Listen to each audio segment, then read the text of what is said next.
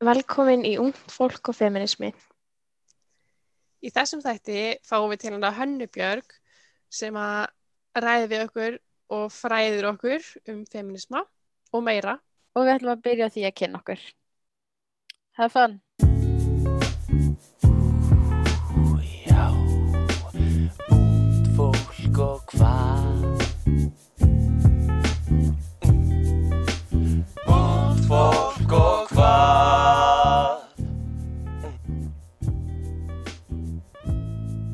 Hæ, ég heiti Embla Líf og ég er 19 ára og kemur ungmennahúsinu Mósin í Mósusbæ. Uh, já, ég heiti Vétís Ír og kemur Kvítahúsinu, ungmennahúsinu á Akranesi og er 18 ára. Já, uh, ég heiti Arnarún og ég kem úr Hamrinum sem er í Hafnarfyrði og er 19 ára. Nú má þú endilega hérna. Ég, kynna þig. já. já, ég heiti Hanna Björg Viljarsdóttir, ég er, ég er mamma og amma og ég er kennar í borg og, og virkur feministi. Frábært. Takk fyrir að koma að spjalla við okkur. Og Svar- velkomin. Spurningum. Mín er bara sönn ánægja. Okkar markmið svona með þessum þætti er svolítið að uh, koma þessar umræðu aftur á stað hvað feminismi er að því okkur finnst svona okkur upplifinu svolítið þannig að uh, ungmenni okkar aldrei vita ekkert endilega hvað feminismi er og erum við svolítið uh, misjafna skoðanir á því og hafa heyrt mismöndi hugtök og allt svona. Þannig að okkur fannst bara komin tími til að einhver kemur og svara þessar helstu spurningum. Einhver sem veit um þetta og, og allavega mínu upplifun þar sem ég er búin að vera tíma hjá þér hana í Borgó þá finnst mér þú vita bara ótrúlega mikið og þína útskýringar og svona eru bara ótrúlega góðar. Þannig að það var bara engin mannsika sem okkur dætt í hug annur en þú. Þannig að bara takk aftur fyrir að koma og spjalla við okkur. Um, kannski við byrjum þá bara fyrst spurningun og það er svolítið bara hvað er? Já, og ertu með veist útskýring á þessu á mannamáli? Þannig að við svona Já, sko feminismi er, það er hægt að, það væri hægt að sko skrifa náttúrulega heila doktorsykjörð, en hérna er ég með könnu sem ég kefti mér í London, ég held fyrir 30 árum. Og það er kvót á konnunni eftir rithöfund sem heitir Rebecca West og ætla, sko það sem að stendur hérna og ég ætla að þýða þetta, þetta er á ennsku, ég ætla að þýða þetta, sko, I'm, eða, sagt, já, ég sjálf hef aldrei skilið almennilega hvað feminismi er nákvæmlega. Eina sem ég veit að í hvers skipti, uh, eða sagt, fólk kalla mig feminista í hvers skipti sem ég segi eitthvað sem aðgreinir mig frá dyramóttu. Ok, það sem að Rebecca West meinar er að, að, hérna, að þegar hún er valdeld, þar að segja þegar hún stendur í lappirnar, hún stendur með sjálfur sér og neytar að láta kúa sig, að þá kalla fólk hann feminista. Og þetta er kannski svolítið hérna byrtingamyndin, en einfaldasta skilgreiningin á feminista sko er, það er einstaklingur sem að horfist í augu við það að kynin njóti ekki jafnbrettis og er reyðubúin að gera eitthvað í því. Það er að segja, þú stiður við hugmyndafræðina feminisma sem að gengur út á jafnbretti kynjana og ert að vinna, gera eitthvað til þess að, sagt, til þess að breyta. Þannig að það er ákveðin, sko, að, ákveðin aktivismi eða aðgerðarsinni sem að orðið felur í sér í mínum huga. Þetta er svona hérna stista og svona kjarn, sko, kjarnin í feminisman. Svo eru til svona ymsar, ymsir svona, ymsar vittir innan feminismans eins og til dæmis sko svört kona, hún upplifir allt annan veruleika heldur en hvít kona. Og það er til svartur feminismi. Lesbísk kona upplifir sína stöðu aðra heldur en gagkinnið kona. Föllið kona upplifir sjálfan sig í annari stöðu eh, en óföllið kona. Þannig að, og svo eru líka til svona mismunandi, mismunandi róttækni, getur við sagt, innan feminisma. Eh, þannig að, já, þannig að það eru til svona ymsar, ymsar, ef maður segja útgáfur, ég veit ekki hvort það sé réttandilega að segja það, en það eru svona tilbreyði við feminisma, myndi ég segja. En kjarnin er uh, það að, að viðurkenna að jafnbreytti kynjana sé ekki náð og vera reyðubúin að gera eitthvað í því. Ok, þetta er bara mjög góð útskýring á þessu. En hvernig finnst þér svona þá að vera hjá ungum krökkum í dag, hvernig finnst þér viðhorf þeirra að vera á feminisma? Þeir finnst þér að vera, er fólk að segjast vera feminista eða, eða er það frekar að segja ég vil jafnrétti eða svoleiðis? Mér finnst þetta, þetta er svo áhafa spurning vegna þess að ég nefnilega upplifi og, og ég endalist að hlusta, hlusta eftir þessu sko, ég upplifi nefnilega bæði upplifi ég fólk sko hóp, hóps, hóp ungs fólk sem að segir já ég er feministi en er ekki alveg viss kannski endilega um hvað það er og fe- segir svo eitthvað sem að er bara svona nei, feministi myndi aldrei segja nöðgunabrandara. Það er bara þannig. En, en ok, þann, en ég, ég myndi aldrei gera einhver, einhver aðtöðsand við að þó einhver sko, standist ekki einhver, eitthvað próf í feminisma þó hann kallaði þessi feminista, það er auðvitað allt í lagi. En svo eru líka fólk sem er feministar en myndi aldrei nota þetta orð vegna þess að í þeirra huga þá er búið að gildis hlaða orði á neikvæðan hátt, búið að setja það á það neikvæða merkingu. Og hérna, þannig að þetta, þetta er einhvern veginn báðar áttir, sko sem er mjög áhugavert. En mín upplifun, og sko ég er búin að vera að kenna kynifræði í Borgarvaldsskóla síðan 2007 og þannig að það, það er rosalega margir nefndir búin að fara í gegn hjá mér og ég upplifi, ég, ég man ekki eftir að upplifa nefnda sem er búin að fara í gegnum kynifræði áfanga á framhaldsskólastígi og hefur neikvæðar hugmyndur um feminista eða feminisma eftir það. Einmitt, það er eins og að ég var í kynjafræði þér og ég man í byrjun áfangans, þá spurður þau mitt, já, vil ég rétti pönd til sem ég segist vera feministar? Ég man að það voru ekki margir sem að rétti pönd og ég gerði það nefnilega sjálf ekki að því að ég var búin að heyra svona mismunandi, ég meint bara hvað það væri og, og það væri bara, það væri komin sundum vondi mynd og sundum ekki og eitthvað, þannig að en svo í loka áfangans, það var komin svo góð útskýring á öllu og þá var ég fann að hugsa bara meira því að ég man og segði bara, hérna, þegar vorum búin að rétta upp hönd og sagði lókin hvað eru búin að skoða? Og þá var þetta allt sem tengdist fem, feminisma og það er bara já, ok, þá þú veist, er þetta eitthvað sem ég tengi og ég vil gera betur, þú veist, auðvitað. Þannig að, já bara góða punktur, mm -hmm. ég upplýði þetta allan sjálf hann í byrjun, sko og svo ekki í lókin Emitt, nákvæmlega, sko þetta er, mm -hmm. af því að, sko, þetta er hérna, sko, feminismi snýst um sangin og réttlæti. Skiljiði þetta er, uh, feminismi er ekki kallahattur. Það það er algjörlega fráleitt. Og feminismi snýst ekki um að uh, kúa kalla, að snú öll á kvolv, skiljiði. Þvert á móti að þá er, er feminismi, mun, það mun öll kyn græð á feminisma. Vegna þess að ég held að við viljum öll, þegar við skoðum málið, þá viljum við öll bara fólk búið við réttlæti það er bara eitthvað, það er fáránlegt að, að segja bara, heyrðu, nei, við viljum hafa sumir hafið forréttindi og aðrir séu kúaðir, því það meikar engan sens. Þannig að hérna, feminismi er fallegur og hann er góður fyrir alla og öll. Já, það sem hún nefndir eins og jafnbretti og feminismi er svolítið bara aðgangst út í jafnbretti, finnst ég fyrirtæki og stopnarnir vera að taka jafnbrettis áallinu og vera með það sjáanlegar af því að það er líka ekkert allir sem vita hvað jafnbrettis áallin er uh, og þetta er eitthvað klálega sem að fyrirtæki átt að vera uh, og eru fleiri og, fleiri og fleiri að taka þátt í að móta svona áallin eða er bara lítið um það sem að þú svona sjálf kannski tekur eftir og svona kannski samfélagið?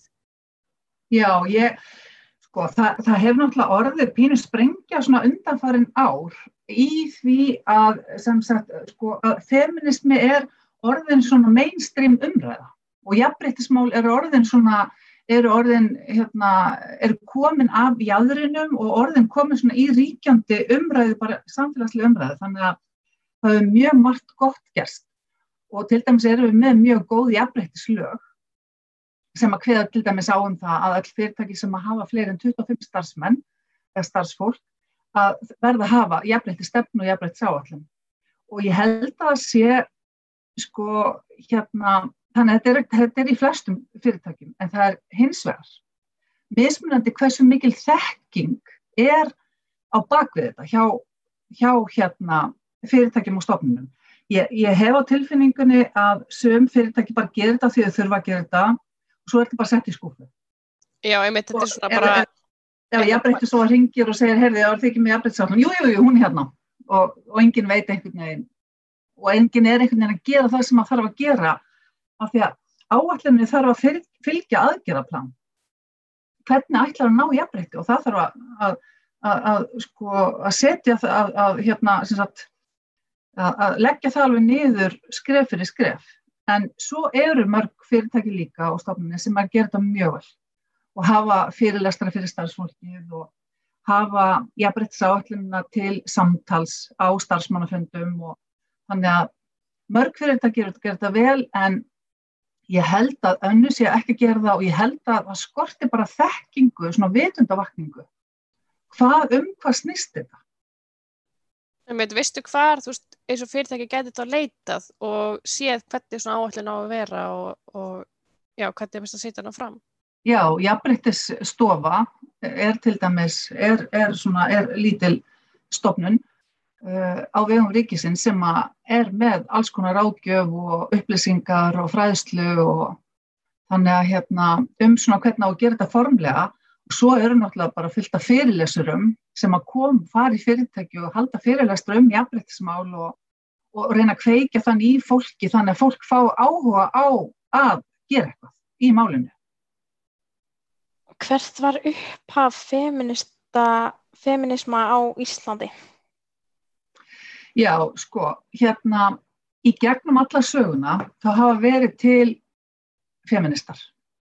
Það er búið að vera sko sandur af konum í gegnum alla mannkins og sem að hefur að rýsa upp og, og reyna að breyta af því að sko feðraveldið og það er svona samfélagslega kerfið sem að, sem að hampar körlum á kostnað kvenna og hérna þannig að það hafa verið til virkir feministar sem hafa djöblast og sumar hafa náða árangur og aðrir ekki eins og gengur. En hins vegar not, fórum ekki að nota þetta orð fyrir en sko 1800 og eitthvað. Þá var farið að nota þetta út í heimi og þetta kom, það fór samt ekki inn í umræðina fyrir en hérna sko orði sem slíkt, fyrir en bara á, á 20. stöld. En en svona formlega kvennabáratan sem var þá komin svona hreyfingi kringum, þar sem það voru ekki bara kvennfylir eða konur svona hinga og þanga sem voru að vinna að jafnbrettsmálum, að það er hérna í, í lok 19. aldar og byrjun 20. þar sem að kvennreitindafélagi kemur og Bríða Bjartíðansdóttir og fyrsta svona baráttumáli, sameiginlega baráttumáli, það var kostningarætturinn og, og réttun, rétturinn til mentunar. Af því við konum áttu ekki að fara í háskóla og, og hérna og ekki bara í, fengu ekki að menta sig.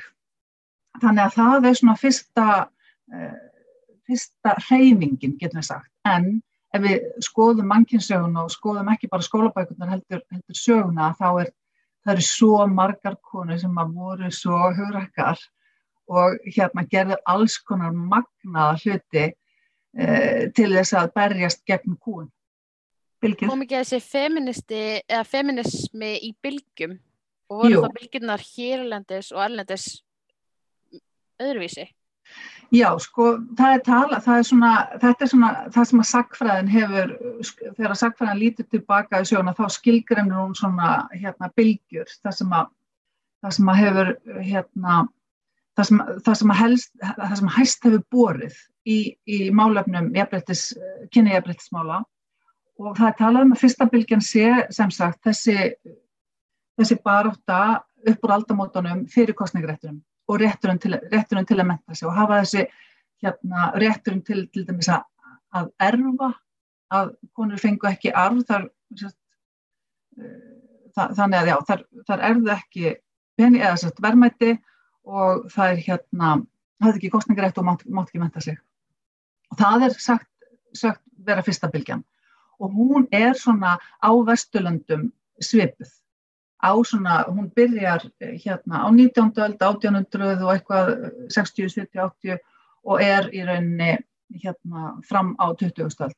Svo er önnur bylgjan, það er í kringum 68 kynslaðana uh, upp úr stúdendaupplesnunum sem byrjuði í París og, hérna, og þá verður til, þá verður til dæmis eh, líka til umhverfisvendar reyfingin, hún sprettur þaðan upp líka og þar, upp, þar kemur upp sem sagt önnurbilgjan, hún er upp á 1970 á Íslandi og þar eru konur að berjast fyrir hérna, þá er það, þá er það bæði sko að berjast fyrir réttendum ofinberlega en líka í engalífinu. Af því að fyrsta bylgja snýrist bara um ofinberra lífið og ég held að þær hafi haldið sko að, að ok, þegar við erum komið réttindin, ofinberra réttindin, þá, þá færist það yfir á engalífið, en það gerist ekki.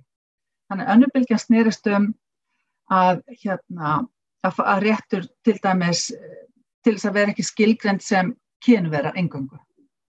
Og baróttu hérna, slagur þegar var manneski ekki markasvara og þær voru á móti klámi, þær voru á móti hvernig konur voru byrtar í auðlýsingum og sem er ennþá verða í dag en var þá en, en ok, við komum kannski að því eftir. En hérna en uh, já, sem sagt önnubilgjan manneski ekki markasvara ekki skilgjörn að konu bara út frá því að vera kynverur heldur líka bara einstaklingar. Og svo er þriðjabilgjan það er í kringum svona 1990 og þarna er komin sko, meira angstaða gegn kláminu og þarna er, þarna er kynjafræðin komin inn í háskólana og það er ferðið að stunda meiri kvennaransóknir og, og, og þess áttar og það er þriðabilgjan og svo er stundum talað um að við séum í fjörðubilginni og að nú sé í rauninni og hún enginnast af því að þessi almenna umræða er orðin um feminisma og jafnveitisma og það var einn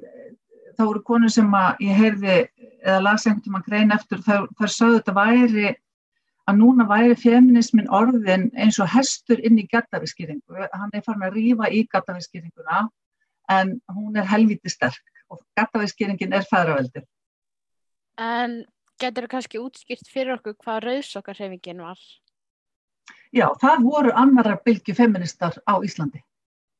Það voru, það var hreyfing. Þá voru reyndar bæði, það voru náttúrulega mest konur en það voru kallar líka í þeirra hreyfingu. Og þetta var algjörlega magnaður hópur fólks og aðalega kanna sem að e, voru hérna þær fór í kröfugöngu og þær voru með hérna, þær voru með alls konar uppákomur og þá var með þessi einn fræg uppákoma að þær, eins og ég segði á þann að þær voru þær, eitt af sláðurinn þeirra var konur eru manneskjur ekki markasvara og, þær, og þarna á þeim tíma að þá voru fegurarsamkjöfnir kanna, þær voru svona viðburður.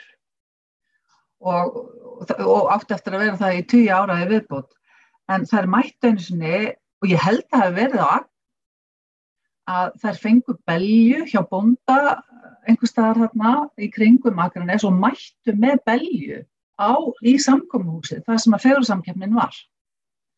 Og þetta var svona tákgrænt það sem er voru í raun að sína fram á að það væri verið að koma fram við konur eins og skeppnu og láta þær lappa um golf og meta þær eins og búfjörnað út frá því hvernig það litu út og oft voru þetta nú kallar í domnefndanum sko, skiljiði þannig að þær, þær, þetta var svona aktivismi í andar auðsokuna ótrúlega skemmtilegar frjóar klárar konur sem að þær gáð út blöð, voru með útastætti, þær gáð út plötu og þær hérna, gerðu ótrúlega margt fyrir, sem að við njótum í dag. Hérna, alls konar réttinda til, til dæmis meðgöngur of. Þær, þær voru sá hópur sem að ítti þeirri umræðu áfram þannig að hún komst í gegn sem að í mínum huga þá er sko forræði hvenna yfir eigin líkama algjört grundvallar atriði í frelsinu. Að einhver hafi skoðun á því hvort að ég eh, eignist bann eða ákveður júfa meðgönguna finnst mér vera mitt persónlega mál. Og við erum ekki komið þangað ennþá. Við erum ennþá þar að þingmenn og konur hafa skoðun á því hvort að konur komist í þessar, þessa helbriðstjónustu. Og hérna, þannig að, að þetta gerður rauðsokkunar. Og er þessi hreyfing ennþá í gangi? Nei, hún er ekki hérna ennþá í gangi en, en hérna þessar ko- konur eru náttúrulega margar ennþá á lífi og, og hérna letu, letu svo til sín taka bara öðru vettvangi. Sumar eru þingkonur, ar- aðrar fór í borgarstjórn og þær, þær fór að gera alls konar og held auðvitað baratuna áfram en ekki á okkur þessum vettvangi sem að rauðsokkuna voru í þeirri hreyfingu. En eins og allar þessar konur sem er búin að nefna núna eins og Rauðsokkar og fleira, er þetta ekki eitthvað sem að mætti úst, tala meira um eins og bara í skólum, í sögu áfangað eitthvað, úst, segja meira frá öllum þessum flottu konum sem eru búin að vera að gera bara frábæra hluti bara til þess að efla fleiri konur að gera enda meira. Af því að ég held að vanti svolítið svona uh, meira fyrir okkur ungu konur að heyra hvað einhver hefur gert líka bara fyrir svona löngu síðan, eða löngu síðan, þetta er náttúrulega alveg smá síðan, bara, já, mér finnst það smá vanta. Mér finnst alltaf að vera svo mikið bara þessi kall sem var, uh, ég veit ekki, herfóringi einhverstaðar eða eitthvað, það er ekkert mikið meira kannski en það, sérstaklega hérna á Íslandi. Algjörlega, ég er bara svo hjertalega sammálaður og, og þetta hefur bara verið eitt af mínum bártumálum, það er að, að stúlkur, að ungar konur fái í skólakerfinu að spekla sig í sögu kvenna sem hafa látið að sig af því að það er sko sandur að þeim. Og hérna, og það stendur mér í sig í námskrám að í sögukennslu eiga nefndur að geta spekla sig. Hvernig eiga að stelpa að geta spekla sig í kongum og herfóringum?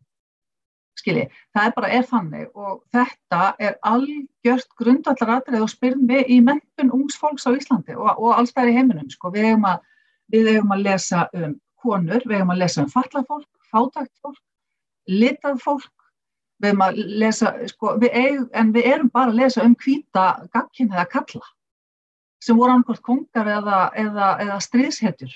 Þetta er náttúrulega bara þetta er ótrúlega einhæf saga sem okkur er sögð og það er látið lítið út fyrir að þetta sé bara það eina sem að gerðist í allir fokking sögunni, má segja fokk.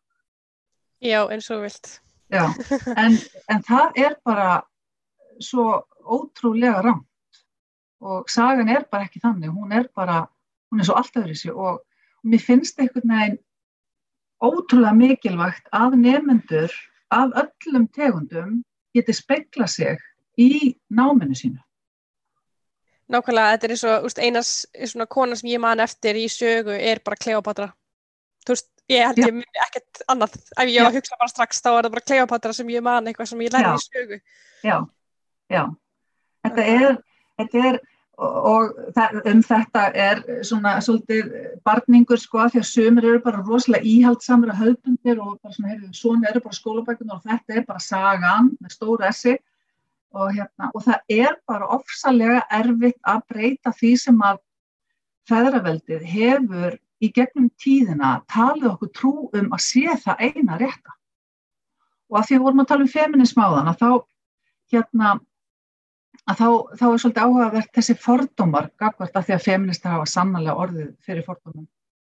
Guðmund góður rauðsokkurnar, það, þær voru kallaðar morðingjar sko af því að þær vildu lögleiða meðgöngurof og hérna e, sko konur sem hafa skilgjöndsi sem feministaði gegnum tíðina hefur verið líst sem loðnum, beiskum, e, hérna kettlingum sem en, enginn vil ríða skiljið, bara svona óspennandi og, og en auðvitað er þetta bara aðferð feðraveldisins að halda baráttu konunum niðri.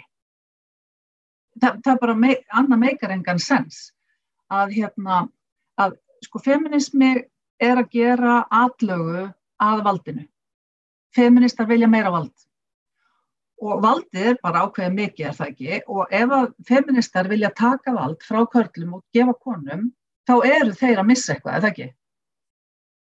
Og tilfellið er að þegar að forréttindi eru tekin af einstaklingum eða hópum, þá upplifir einstaklingun eða hópurinn gjarnan kúun.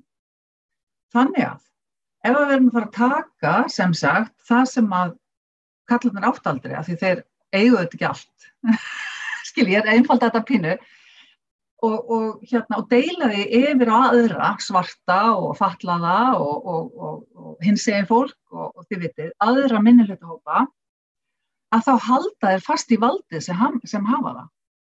Og hvað er betri leið til þess að þakka niður í, í uppreisninni en að gera lítið úr fólkinu sem að eru flaggberðanir, sem að eru að í fremstu viglínu baráttunar, skiljiði mig. Þannig að hérna, að því að sko, feministar eru bara auðvitað hugrakkar konur og svo eru auðvitað líka karlar, en hérna þetta eru hugrakkar sterkar konur með bein í nefnu og, og, og láti ekki beða sér eitthvað búlsitt, sko. Þannig að hérna, auðvitað er ákveðin ótti við svona sterkar konur. Það er bara þannig.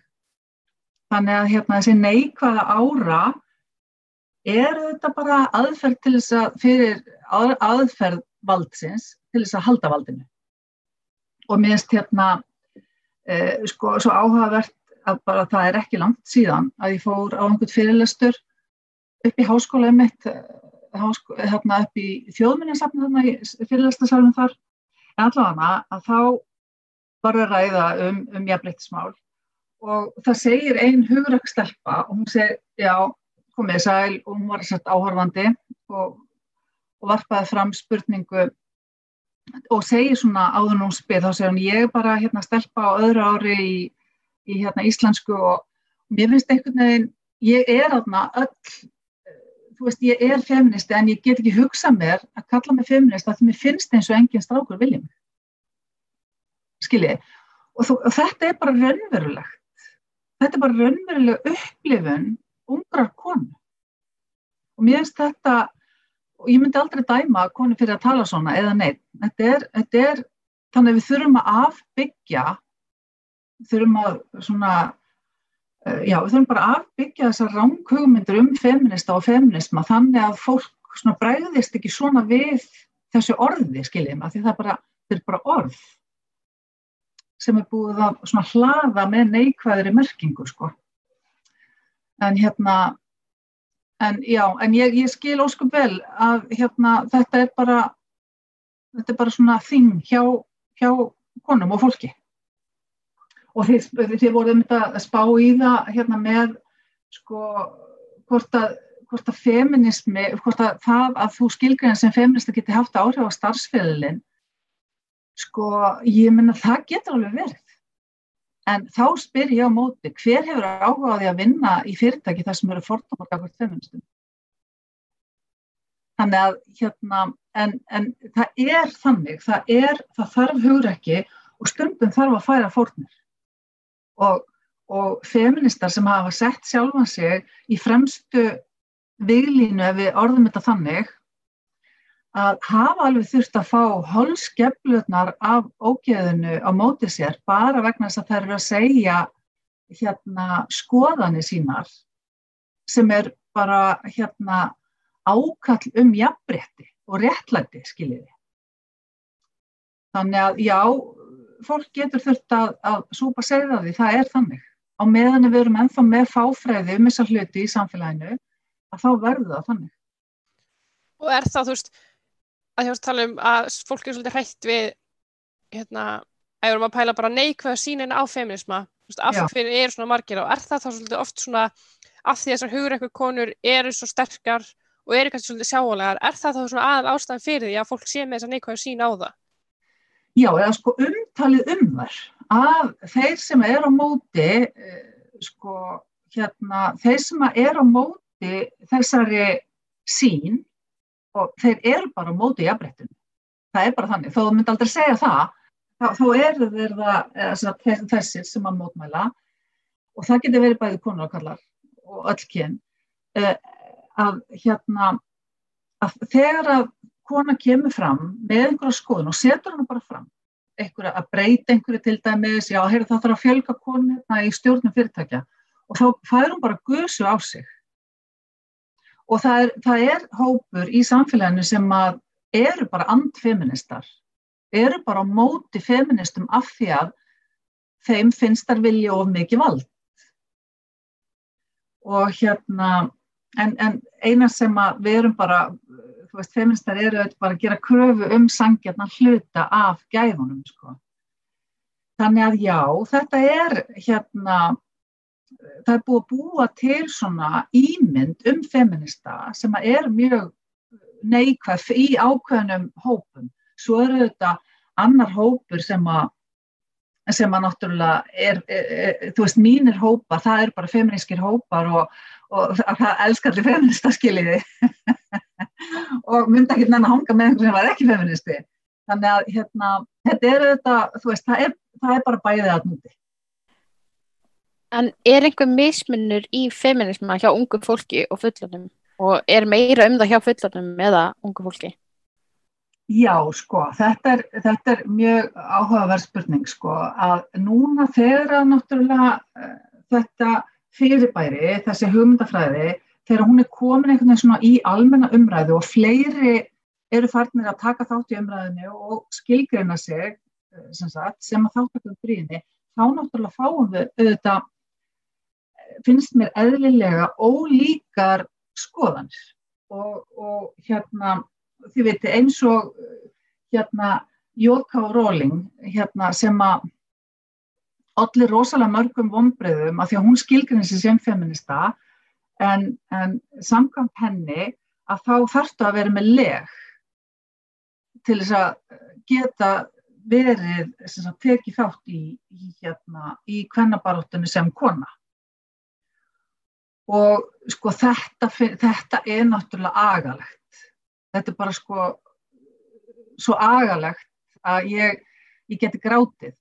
En svona er þetta bara. Nú, það eru bara, og hún, er, hún er ekkit einum þetta, það er bara einhver hreyfingat núti sem að lítur þannig á málin að ef þú ert ekki með leg þá ert ekki kona og þá ert ekki einhvern veginn sá partur af kannabaróttunni og hérna annað dæmi um þetta sem er kannski viðkamara, ég veit það ekki um, það er sko hreyfing innan feminisma sem að kallar, sem að kallar sér sex positive.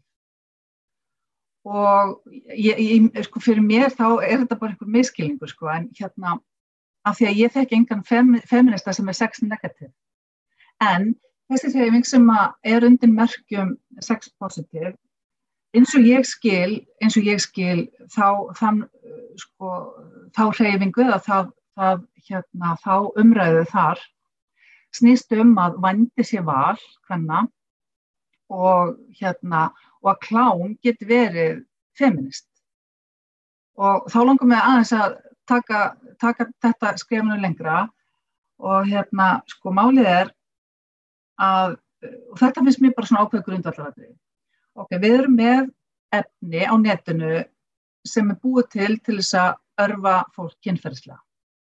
Ok? Og það er, það er samtur á því á netinu, það ekki? Jú. Kynferðislega, kynferðislega örfandi efni á netinu.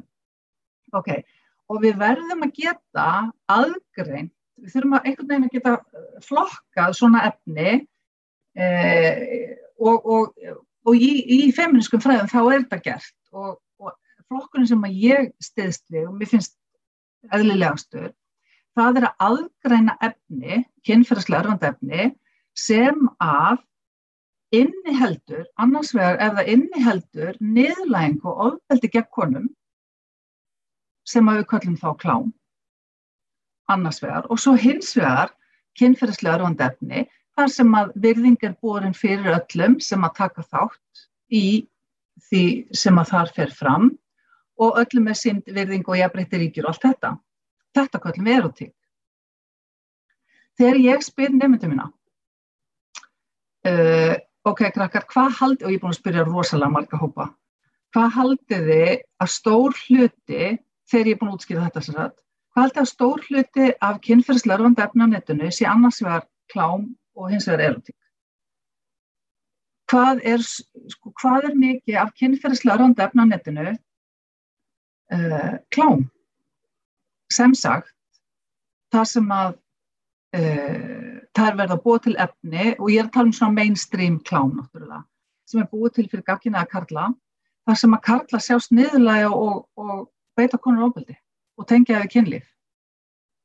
Og þau segja sko allt frá svona 70 upp í 100% þannig að langstæsti hlutin af uh, kynferðslega erfandi efna á netinu er klám og það er, ég er búin að sjá eina rannsókn frá Gail Dines og félögum uh, þar sem að þær, þau rannsökuðu 304 senur uh, af mainstream vinsælu klámi á netinu og greindu það með tilliti til ofbeldis og niðurlæðingar. Þeirra niðurstæði var svo að 88,2% af senunum innihjalt niðurlæðingu og hérna, líkamlegt ofbeldi. Vá, það er alveg svakalegt. Já, þannig að hérna, sko, að, að, að, sko í mínum hjá, eins og ég skil sex positive reyfinguna, þá, þá er einhvern veginn ekki verið að aðgreina þetta. Að hérna, að, að finnast klám í lægi, það er bara, að sko, og feminist klám, það, me, það er bara svona mótsögn, sko, af því að ef að feminist með er að venda hérna valdefla konur og vilja jafnrétti og sangirn og réttlæti, að þá getur það ekki stutt efnið sem að niðurlega konur og beitra ábeldi. Þá verðum að tala um feminíska erotík, skiljið mig. Þá getum við verið að tala saman, það er bara allt annað mál.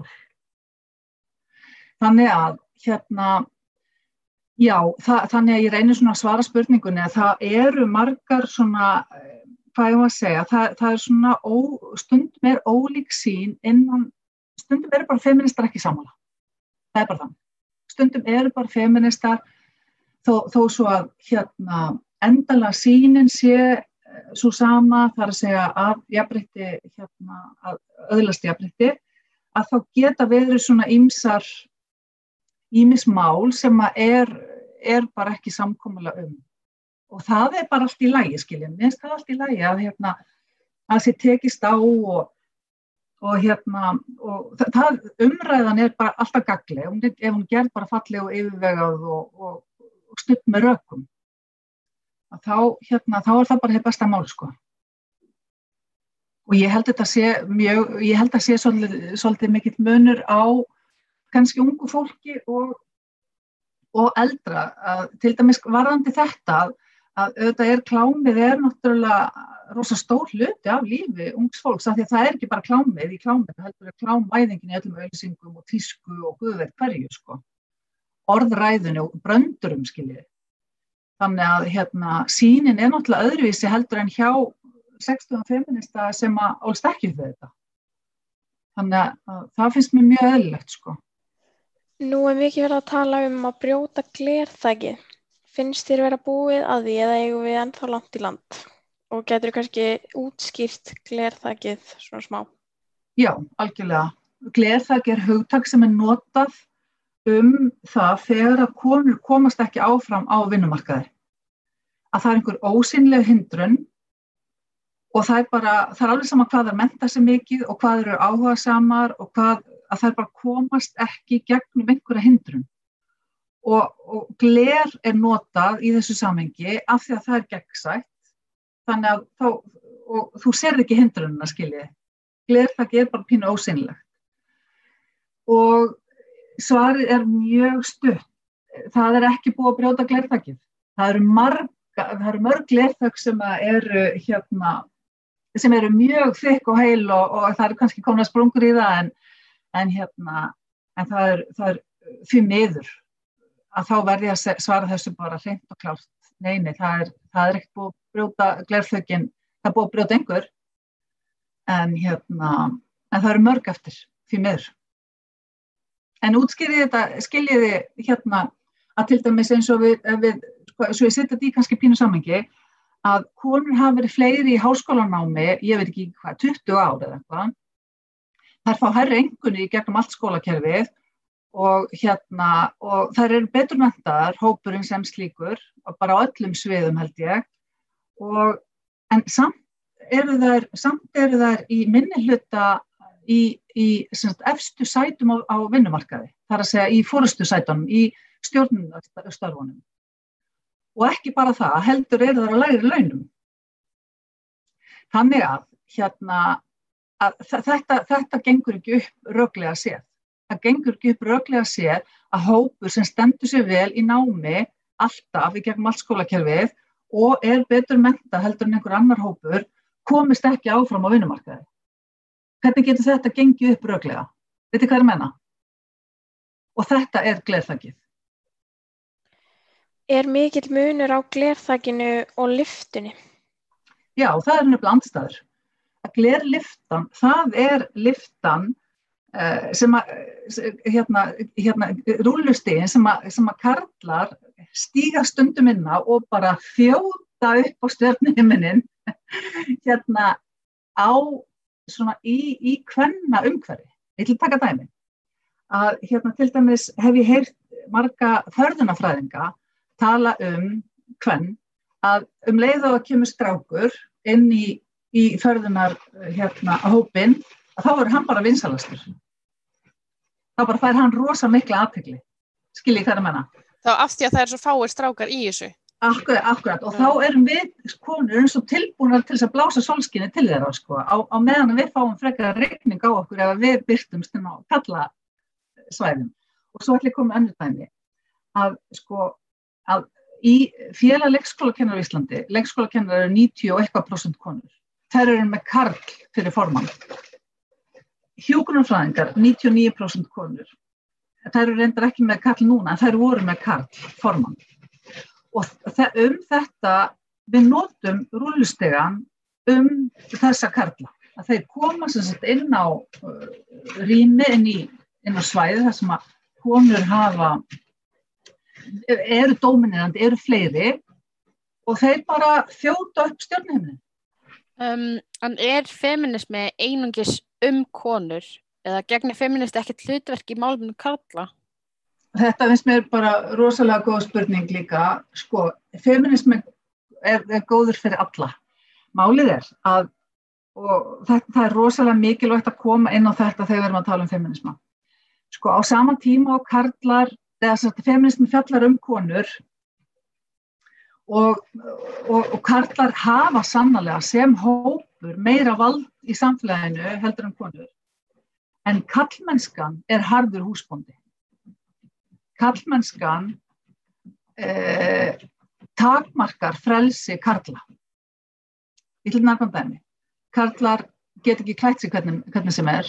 Þeir geta ekki hérna, þeir geta ekki uh, farið í hvaða nám sem er á þess að eiga hættu að verða fyrir fordómum. Þeir, uh, þeir get ekki grátið. Og nú er ég að tala bara almennt, skiljiði og þeir eiga að vera fyrirvinnur og þeir eiga að vera svona og hins einn vegna þess að sko það er kallt á toppnum skiljiði mig. Að hérna bláa bóksi það er hérna uppi og ef þú heldur þér ekki í bláa bóksinu þá dettur úr því og hva, hva, þá bara eitt annað í bóði og það er blekt bóks og þanga vill enginn fara af því að það er hérna niðri. Það er minni virðing borin fyrir þeim sem eiga heima þar. Þannig að þetta er pínu fangelsi þarna uppi ef þú ert ekki svona og hins einn, klæðir þig ekki svona og ert í svona starfi og ert svona sterkur og ert svona hugrakkur og stundar svona mikla áhættu hegðun, að þá ertu bara ekki kallmaður, þá ertu bara hommi. Og það að nota þetta að, að reyna lítilækka karlmann með því að kalla hann homma, það er kvennfyrirlitning.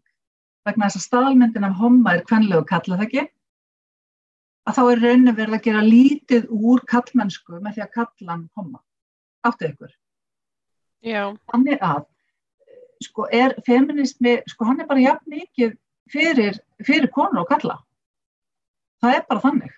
Af því að ég held að margir og flestir og kannski bara allir kallar myndi vilja forna einhverjum af þessum formlegu völdum og launa, launa þið veitir, forréttindunum og allum því, allum forréttindunum, þeir myndi vilja bara forna því fyrir frelsið að geta verið eins og þeir vilja geta verið heimaverandi feður eða gengið í bleikum buksum eða, eða farið að gráti við bíómynd eða, eða orðið hjúgrunarfræðingar eða hvað þeir vilja.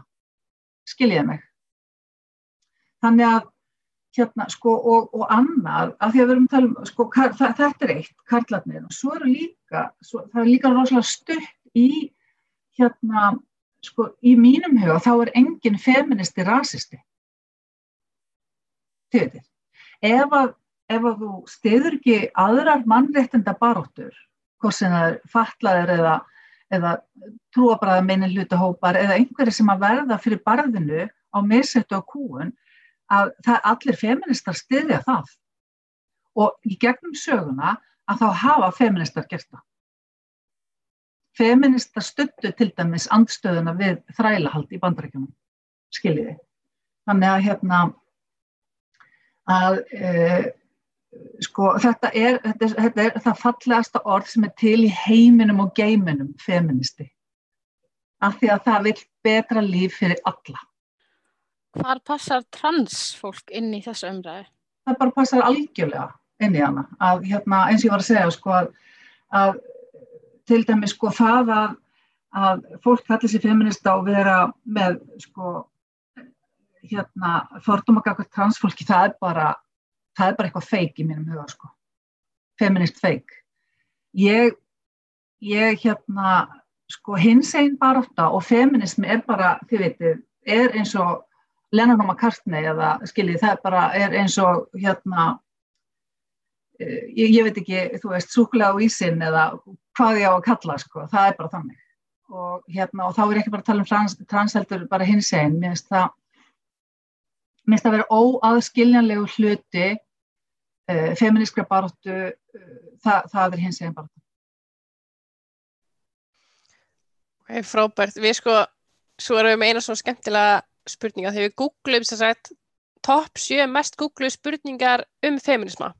Já, Við, kannski, við tókum okkar svona þrjár sem okkur fannst svona uh, skrítast eða svo bara áhugaverðastar. Við kannski setjum bara restar inn á líka Instagram svo fólk getur séð þetta.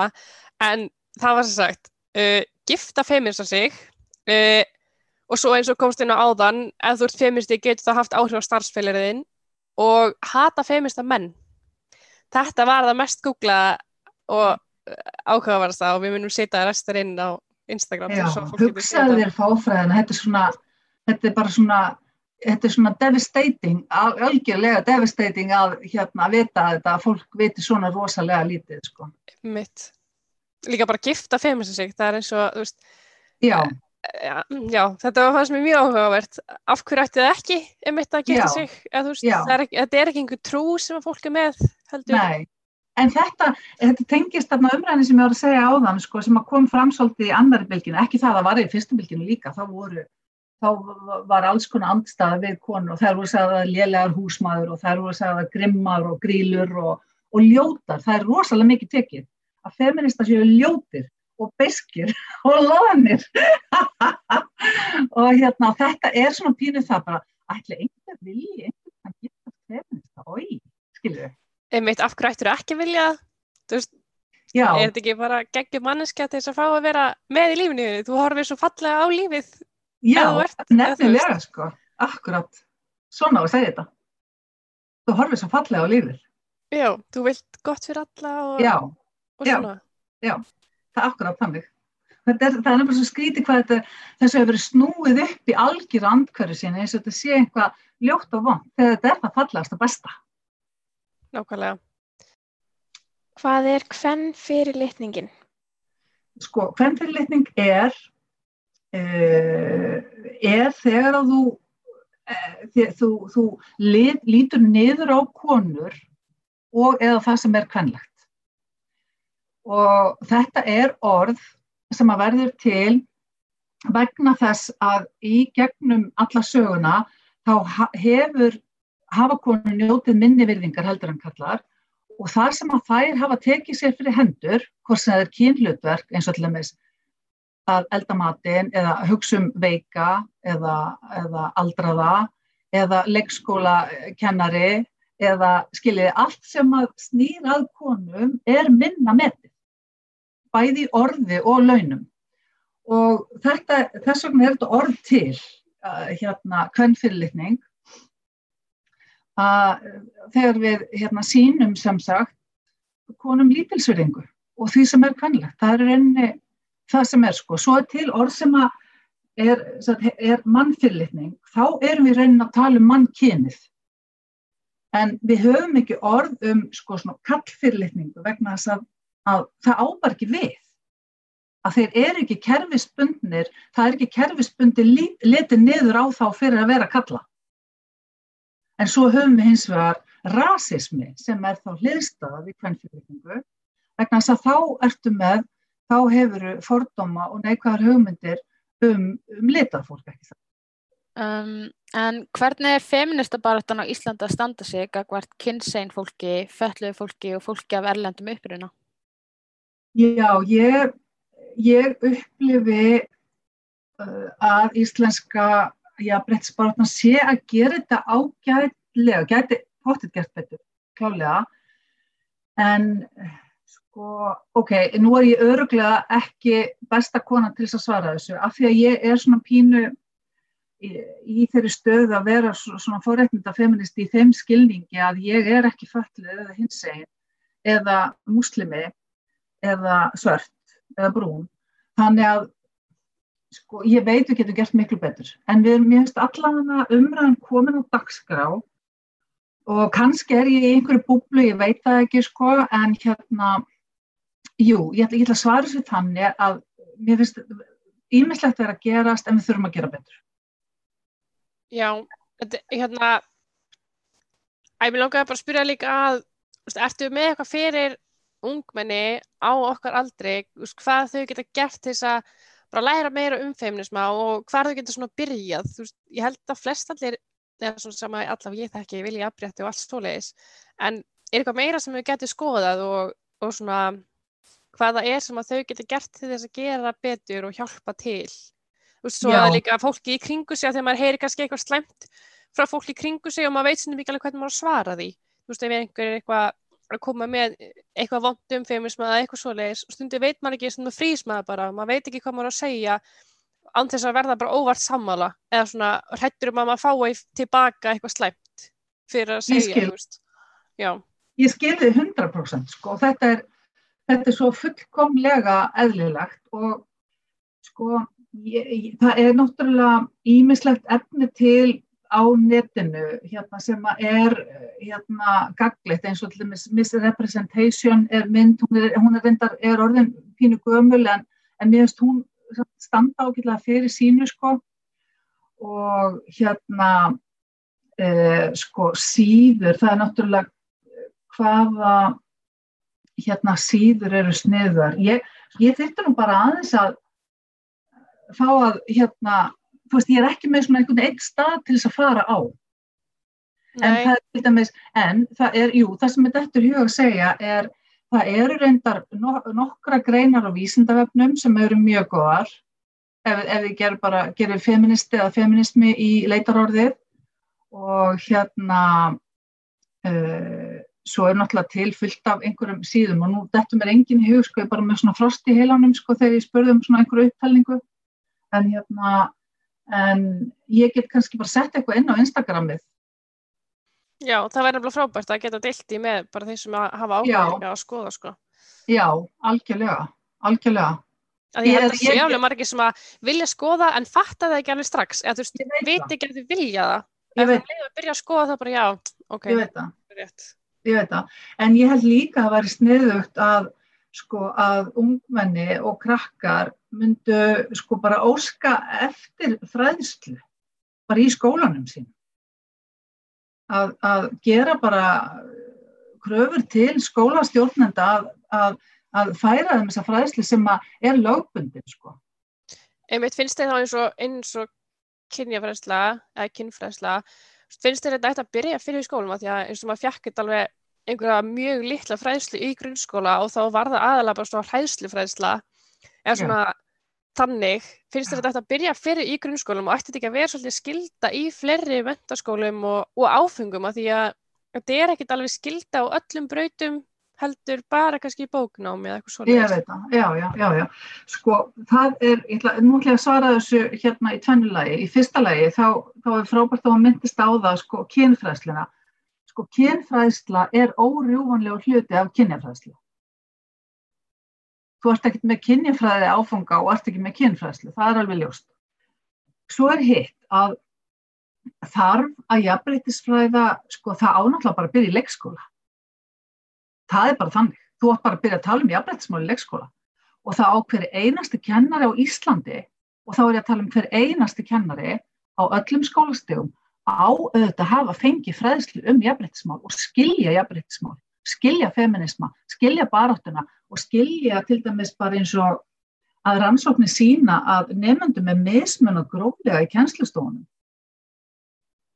Og hérna, það, þetta er bara óasettanlegt og ég veit að, að kennara myndi aldrei gera þetta viljandi en við erum öll ofur seld þessari, sko, þessum þessum hérna gildum sem eru þarna úti sem að eru að viðhalda þessu.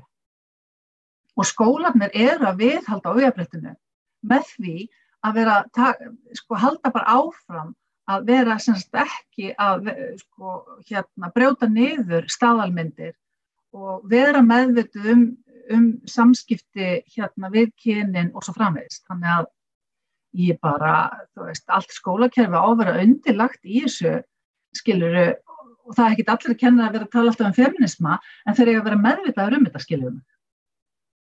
Þeir eiga að skilja þetta og hafa svona eitthvað jafnreitis næmi þannig að þeir átti, þeir skilji hvað snýr upp og niður og, og getur brugðist við. Nákvæmlega og líka kannski setja þetta í svona kennslubúning sem að er skiljanlegur og skemmtilegur á sama tíma því að stundum er kannski fræðslan hjá sumum skólum eða ekkert endilega skólum, bara hjá sumum fræðurum að hún er, fræðslan er til staðar en hún er ekki þannig að þetta nær til ungmenna. Þetta er kannski bara einhver svakarlegu glærupakki sem enginn skilur og enginn ennir að fylgjast með. Ég veit akkurat, þetta er alltaf bara algjörlega réttjáður og, og þú veist, og engin græðir sko. Að þið, þið veitir, það er alltaf þarf hæf, hæfan kennara til þess að, sem að veit hvað hann er að gera, til þess að kenna svona. Þú getur ekki einmitt bara að senda einhvern með bara einhverja kennslubók, hérna, já, hörðu, nú skal þú bara kenna um feminisma og einhver, einhver sem að veit í rauninni, þið veitir, lítið. Einmitt, bara þegar hann þurfti að gera það, þá var hann sendur og til þess að líta betur út, þá var það gert. Eða Já. ég, nefnilega, nefnilega, og þá er eins gott að sleppa því, sko, segi ég. Já, ég held ég alveg sammál því að ég held að þessi frekar að, að þeir ná ykkur út úr þessu og eigða frekar tímanum í ykkur an, annað gaglegt heldur þetta sé eitthvað sem að fólk lefur ekki hlusta á, sko. Algjörlega, algjörlega. Þá ertu bara eða tíma allra, sko. Og jafnvel að vinna, gera ógagn. Skilur við? Getur jafnvel verið að festa í sessi einhverjar gamlar hugmyndir, sko.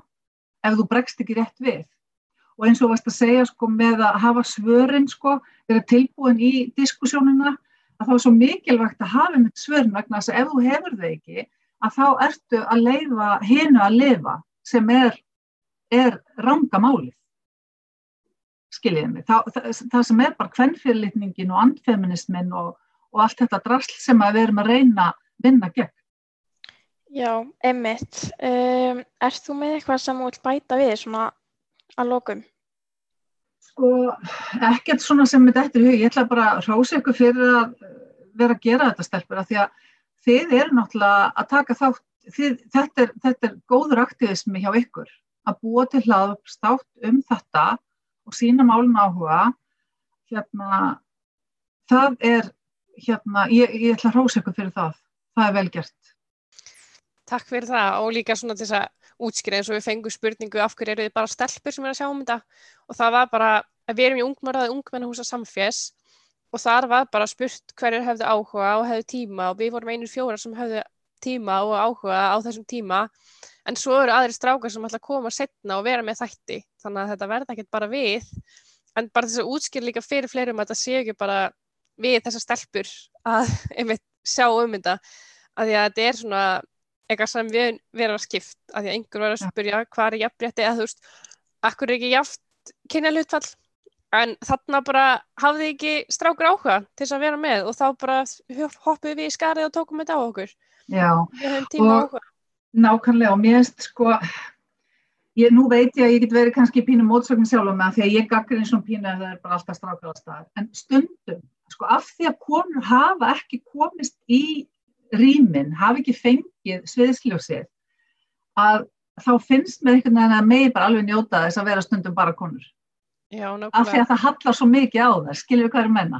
Nei, ná, bara, það er nákvæmlega þannig Það, þannig að sko ekki, þið, þið skulle bara vera beinar í baki og segja, við höfum áhuga á þessu, við þurfum ekkit endilega að stráka með okkur. Og bara discussion over. Talk to the hand.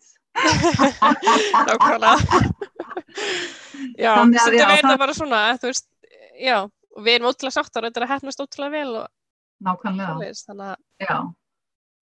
Og við erum ekkert að fara að stoppa ef einhver vill koma að vera með þátt sko, þannig að þetta er bara eins og Já. er þá er þetta bara við Já, nákvæmlega. Bara gott hjá ykkur. You go girls. Já, takk fyrir takk. Takk innilega fyrir mig. Já, takk fyrir að koma vera með okkur. Já, klálega. Takk kella fyrir að svara spurningum, sko. Sjálfsagt, anytime. Við viljum bara þakka Hönnubjörg fyrir að koma og vera með okkur í þessum þætti. Við viljum einnig minna á styrtaræðan okkar, samtök sveitast félag á höfuborgarsvæðinu, mentamálaræðanitið og samfélagsplúsin. Takk fyrir að hlusta! Thank